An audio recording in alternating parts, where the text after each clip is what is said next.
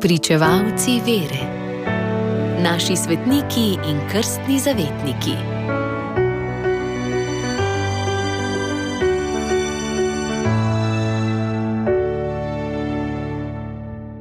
Danes, 25. aprila, goduje sveti Marko, evangelist.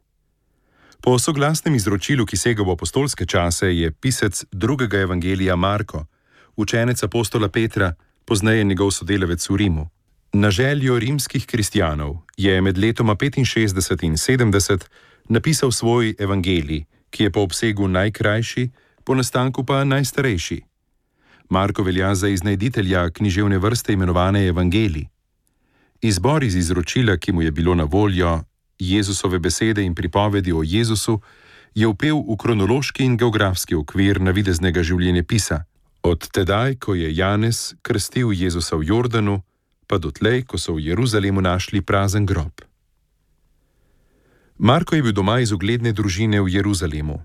Njegova mati je bila lastnica hiše, v kateri se je po gospodovem nebohodu zbirala prva krščanska občina. Nekateri iz tega sklepajo, da je bila v Markovi hiši obednica, v kateri je Jezus na veliki četrtek obhajal s svojimi apostoli zadnjo večerjo in med njo postavil Euharistijo.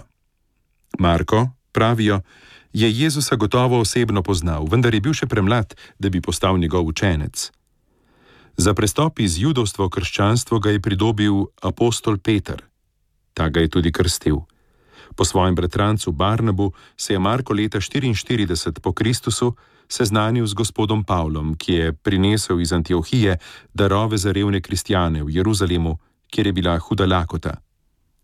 Ko sta se Pavel in Barnaba vračala v Antiohijo, sta vzela seboj mladega Marka. Kmalo zatem sta šla na prvo misijonsko potovanje na Cipr in v južne pokrajine Male Azije, in Marko jima je bil pomočnik. Ko so stopili na malo azijska tla, se je Marko na lepem vrnil v Jeruzalem. Morda ga je premagalo domotožje, morda se je ustrašil nevarne poti po gorskem svetu, morda se kot po kristijani in jud ni strinjal s širokimi Pavlovimi nazori. Ko sta se Pavel in Barnaba vrnila v Jeruzalem in pripovedovala o uspešnem delu med pogani, je bilo Marku žal, da ni ustrajal in jo je prosil, če bi smel iti z njima, ko boste šla na novo potovanje. Pavel ga ni hotel vzeti seboj, čeprav je Barnaba to želel. Ker ni prišlo do soglasja, se je Pavel odpravil sam na svoje drugo misijonsko potovanje, Barnaba in Marko pa sta uspešno misionarila na Cipru. Okoli leta 54 sta otok zapustila in po starem izročilu je Marko odšel v Aleksandrijo v Egiptu, kjer je postal prvi škof tega cvetočega mesta. To bi utegnilo biti med letoma 54 in 62. Leta 62 je bil Marko spet pri Pavlu, tokrat ujetniku v Rimu in zdaj ga je cenil tudi Pavel, ker je Marko dozorel v dobrega misionarja. Po Pavlovi osvoboditvi je bil v Rimu nekaj časa skupaj s Petrom, ki ga omenja v svojem prvem pismu, tedaj pa je na prošnjo rimske krščanske občine napisal tudi svoj evangelij. Ko je bil Pavel drugič v Ječi, Marka ni bilo več v Rimu, zato apostol Pavel učencu Timoteju v Efes piše, naj pride k njemu v Rim in seboj pripelje še Marka ker mi je zelo koristen za službo. Po mučeniški smrti obeh apostolskih prvakov je Marko postal povsem samostojen in je zgovorjeno in pisano besedo oznanjal, kar je slišal od njiju. Umrl je mučeniške smrti, verjetno v Aleksandriji.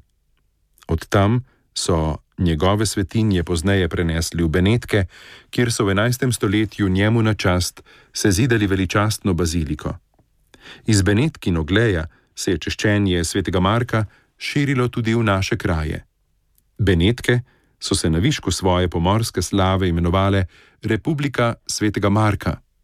In za mestni grb imajo še danes krilatega leva, ki je simbol evangelista Marka. Tega leva vidimo po mestih na slovenski obali, ki so bila nekoč pod Beneško oblastjo. Radio Ognišče vaš duhovni sopotnik.